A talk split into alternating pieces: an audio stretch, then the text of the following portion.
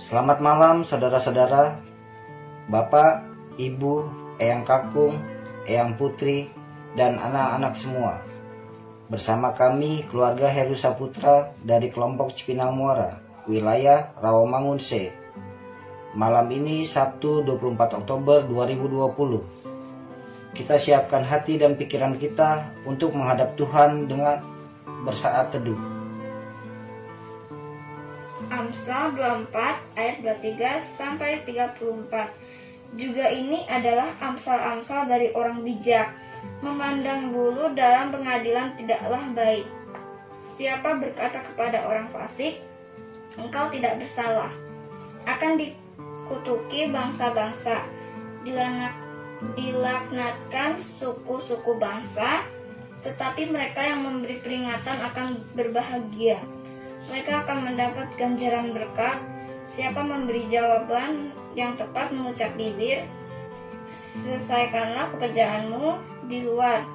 Siapkanlah itu ladang, baru kemudian dirikanlah rumahmu. Jangan menjadi saksi terhadap samamu tanpa sebab dan menipu dengan bibirmu. Janganlah berkata, sebagaimana ia memperlakukan aku, demikian kuperlakukan dia. Aku membalas orang menurut perbuatannya. Aku melalui ladang seorang pemalas dan kebun anggur orang yang tidak berakal budi. Lihatlah semua itu ditumbuhi onak. Tanahnya tertutup dengan jeruju dan temboknya sudah roboh. Aku memandangnya, aku memperhatikannya, aku melihatnya dan menarik suatu pelajaran. Tidur sebentar lagi, mengantuk sebentar lagi, melipat tangan sebentar lagi untuk tinggal berbaring. Maka datanglah kemiskinan seperti seorang penyerbu dan kekurangan seperti orang bersenjata. Amsal ini diawali dengan keterangan. Juga ini adalah amsal-amsal dari orang bijak. Kita mengenal Amsal sebagai kitab kumpulan kata-kata bijak dari Salomo. Pada bagian ini dapat dikatakan sebagai pepatah-pepatah orang bijak. Dimulai dengan situasi yang terjadi di pengadilan. Nama pengadilan seharusnya lah memperlihatkan terjadinya segala sesuatu dengan adil. Untuk itu, pepatah yang ditempatkan adalah memandang bulu dalam pengadilan tidaklah baik, bersikap pada keberpihakan dalam peradilan. Yang membawa pembenaran orang bersalah adalah suatu kesalahan besar. Akan dikutuki bangsa-bangsa dan dilaknat suku-suku bangsa. Terjadi siapa yang mengatakan salah kepada yang salah. Ia patut dipuji, bahkan akan berbahagia dan mendapatkan ganjaran berkat. Kata-kata ini hendak menyatakan tentang sikap hidup yang benar dengan berani menyatakan salah salah sebagai salah dan benar adalah benar. Hal itu dinyatakan dengan tidak memandang siapa yang melakukan tetapi apa yang dilakukan. Orang yang memberikan jawaban yang benar dikatakan mengecup bibir. Artinya adalah orang-orang yang berani memberikan jawaban benar. Adalah orang yang memperlengkapi dirinya dengan hikmat sehingga bibirnya memberikan jawaban dengan benar dan jujur. Selanjutnya, Amsal ini berbicara tentang sikap terhadap sesama. Ajakannya adalah memperhatikan orang yang membutuhkan bantuan dan jangan hanya memperhatikan diri sendiri. Itu dinyatakan dengan menyelesaikan pekerjaan di luar atau di ladang lebih dulu. Baru membangun rumah. Orang berkhidmat tidak menaruh dendam terhadap sesama, apalagi merancangkan pembalasan yang setimpal dengan perbuatan yang dilakukannya. Pada bagian akhir, Amsal berbicara tentang gambaran orang pemalas. Orang memiliki kebun anggur tapi hidup dalam kemiskinan. Dalam situasi seperti ini, tidak jarang orang yang menyalahkan keadaan. Padahal, sesungguhnya itu terjadi karena sikap hidup yang malas. Pekerjaan hanyalah tidur, mengantuk, melipat tangan, dan tertidur lagi. Sehingga ladangnya menjadi hutan.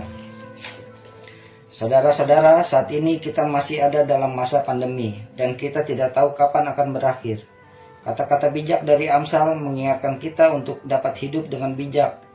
Situasi pandemi berdampak kekacauan ke mana-mana. Berbagai berita beredar dengan bebas dan dapat menimbulkan tuduhan-tuduhan yang tidak benar. hingga akhirnya terjadi ketidakpuasan dan peradilan secara bebas. Orang merasa punya hak untuk mengadili pihak lain dengan sewenang-wenang. Demo terjadi tanpa orang memahami apa sebenarnya yang hendak dituntut. Dalam situasi seperti ini, kita diajak untuk untuk tetap berhikmat dalam bersikap bahwa dalam mengeluarkan pendapat agar kita disebut sebagai orang-orang yang mengecup bibir. Situasi pandemi membuat orang berkeluh kesah akan hidup, kehilangan pekerjaan, tidak ada penghasilan, dan akhirnya mengena, mengamali kemiskinan. Amsal mengajak kita untuk merefleksikan hidup kita jangan jangan jangan sesungguhnya Tuhan telah menyediakan ladang untuk kita. Tapi kita hanya tidur, mengantuk, melipat tangan, dan tertidur lagi. Sehingga ladang kita menjadi hutan. Dalam situasi pandemi, kita diajak untuk tidak bermalas-malasan. Tapi kita harus kreatif Perhatikan orang-orang yang bertahan dalam pandemi ini. Sekalipun mengalami PHK, mereka berusaha untuk bisa membuat kue, masakan, dan menu-menu lain untuk dijual. Mereka dapat membuat berbagai kreativitas yang memberikan penghasilan untuk hidup. Mereka menjual jasa layanan antar jasa yang lain. Jangan biarkan ladang pemberian Tuhan menjadi hutan dan kita menyalahkan keadaan kita menjadi miskin. Amin. Mari kita sama-sama berdoa Bapa kami. Bapa kami yang di surga, dikuduskanlah namamu, datanglah kerajaanmu, jadilah kehendakmu di bumi seperti di surga.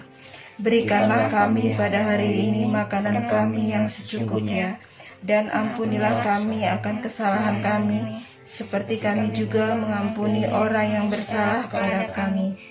Dan janganlah membawa kami ke dalam pencobaan, tetapi lepaskanlah kami daripada yang jahat, karena Engkaulah yang punya kerajaan dan kuasa dan kemuliaan sampai selama-lamanya. Amin. Ya Tuhan, terima kasih untuk firman-Mu malam ini yang mengingatkan untuk dapat hidup berhikmat. Tolonglah kami ya Tuhan untuk dapat bijak dalam ketika mendengar berbagai macam berita atau informasi. Hikmat darimu memampukan kami untuk membuat kami tidak cepat bereaksi, baik dalam berkomentar maupun bersikap. Mampukan kami untuk tidak menghakimi menurut jalan pikiran kami sendiri, sehingga dengan mudah kami menyatakan kesalahan orang lain atau memberikan penilaian buruk terhadap orang lain atau pihak-pihak tertentu. Ajarkan kami ya Tuhan untuk mampu menjadi orang yang mengecup bibir, yaitu orang memperlengkapi diri dengan hikmat ketika berkata-kata. Tolonglah kami untuk tidak berkata-kata yang menimbulkan kerugian bagi orang lain, terlebih menimbulkan permusuhan dan perpecahan. Jadikanlah kami sebagai orang-orang yang dapat menghadirkan damai melalui pikiran, perkataan, dan perilaku kami dalam pengasihanmu kami mohon. Tuhan, dengarlah dan kabulkanlah doa kami. Ya Tuhan, kami mohon kepadamu, berikanlah kami kekuatan dalam menjalani hidup yang tidak mudah di masa pandemi ini. Kami percaya Engkau tidak membiarkan kami hidup dalam kemiskinan bahkan kesengsaraan. Kami percaya Engkau memberikan talenta kepada kami. Sekalipun hanya satu talenta, kami percaya Engkau menyediakan ladang yang luasnya cukup bagi kami. Tolonglah kami ya Tuhan, untuk dapat mengembangkan talenta yang telah Engkau berikan, untuk mengelola ladang yang telah Engkau berikan. Tolonglah kami untuk tidak hanya mengeluh dan berharap pengasihan orang lain, tapi kami dapat menjadi orang yang lebih rajin dan kreatif dalam pengasihanmu. Kami mohon. Tuhan, dengarkanlah dan kabulkanlah doa kami. Ya Tuhan, kami berdoa untuk anak-anak kami dan para guru yang saat ini melakukan proses belajar dan mengajar secara daring. Banyak kendala yang dihadapi oleh anak-anak dan para guru, seperti keterbatasan jaringan internet, sinyal, kuota, dan sarana yang dibutuhkan seperti laptop atau HP. Tolonglah ya Tuhan, agar dengan berbagai cara proses belajar dan mengajar tetap dapat dilaksanakan. Tolonglah agar anak-anak kami tetap dapat bersekolah sekalipun melalui online. Tolong para guru agar dapat terus berkreasi dalam menyiapkan dan menyampaikan materi ajar. Kami boleh bersyukur ya Tuhan, karena dengan proses belajar di rumah membuat kami memiliki banyak waktu dengan anak-anak. Proses belajar secara daring menuntut peran aktif orang tua, dan itu tidak mudah bagi para orang tua. Namun, situasi tersebut menjadi bentuk dukungan nyata dan langsung para orang tua kepada anak-anak. Berikanlah hikmat kepada para orang tua dalam mendampingi proses belajar anak-anak di rumah. Dalam pengasihanmu kami mohon. Tuhan, dengarlah dan kabulkanlah doa kami. Ya Tuhan, kami berdoa untuk saudara-saudara kami yang terpapar virus corona. Mereka yang saat ini harus menjalani isolasi dan perawatan, baik isolasi mandiri di rumah maupun di rumah sakit Terlebih bagi mereka yang sangat yang saat ini sedang berjuang dalam masa krisisnya di ruang ICU. Tuhan, kami percaya bahwa Engkau ada bersama-sama dengan mereka. Engkau tidak meninggalkan mereka dan terus menjaga mereka. Berikanlah ketenangan dan kekuatan, terlebih iman percaya kepadamu bahwa Engkau memiliki kehendak dan rencana yang terbaik dalam hidup mereka. Jauhkan jauhkan rasa putus asa dalam diri mereka, melainkan terus berjuang untuk mendapatkan kesembuhan darimu. Kami berdoa untuk keluarga yang tidak dapat merawat secara optimal. Bahkan untuk mereka yang di rumah sakit, keluarga tidak dapat menjenguk dan menjaganya dari dekat tengah agar keluarga tetap dapat memberikan penguatan bagi saudara-saudara yang sakit. Kami berdoa untuk dokter, perawat, dan orang-orang yang bekerja di rumah sakit yang saat ini harus bekerja keras karena jumlah pasien COVID meningkat tinggi. Berikanlah kesehatan kepada mereka dan tolonglah mereka untuk juga mematuhi protokol kesehatan dalam pengasihanmu. Kami mohon. Tuhan, dengarkanlah dan kabulkanlah doa kami. Amin. Saudara-saudara, tetaplah setia menjadi pendoa. Selamat malam, selamat beristirahat.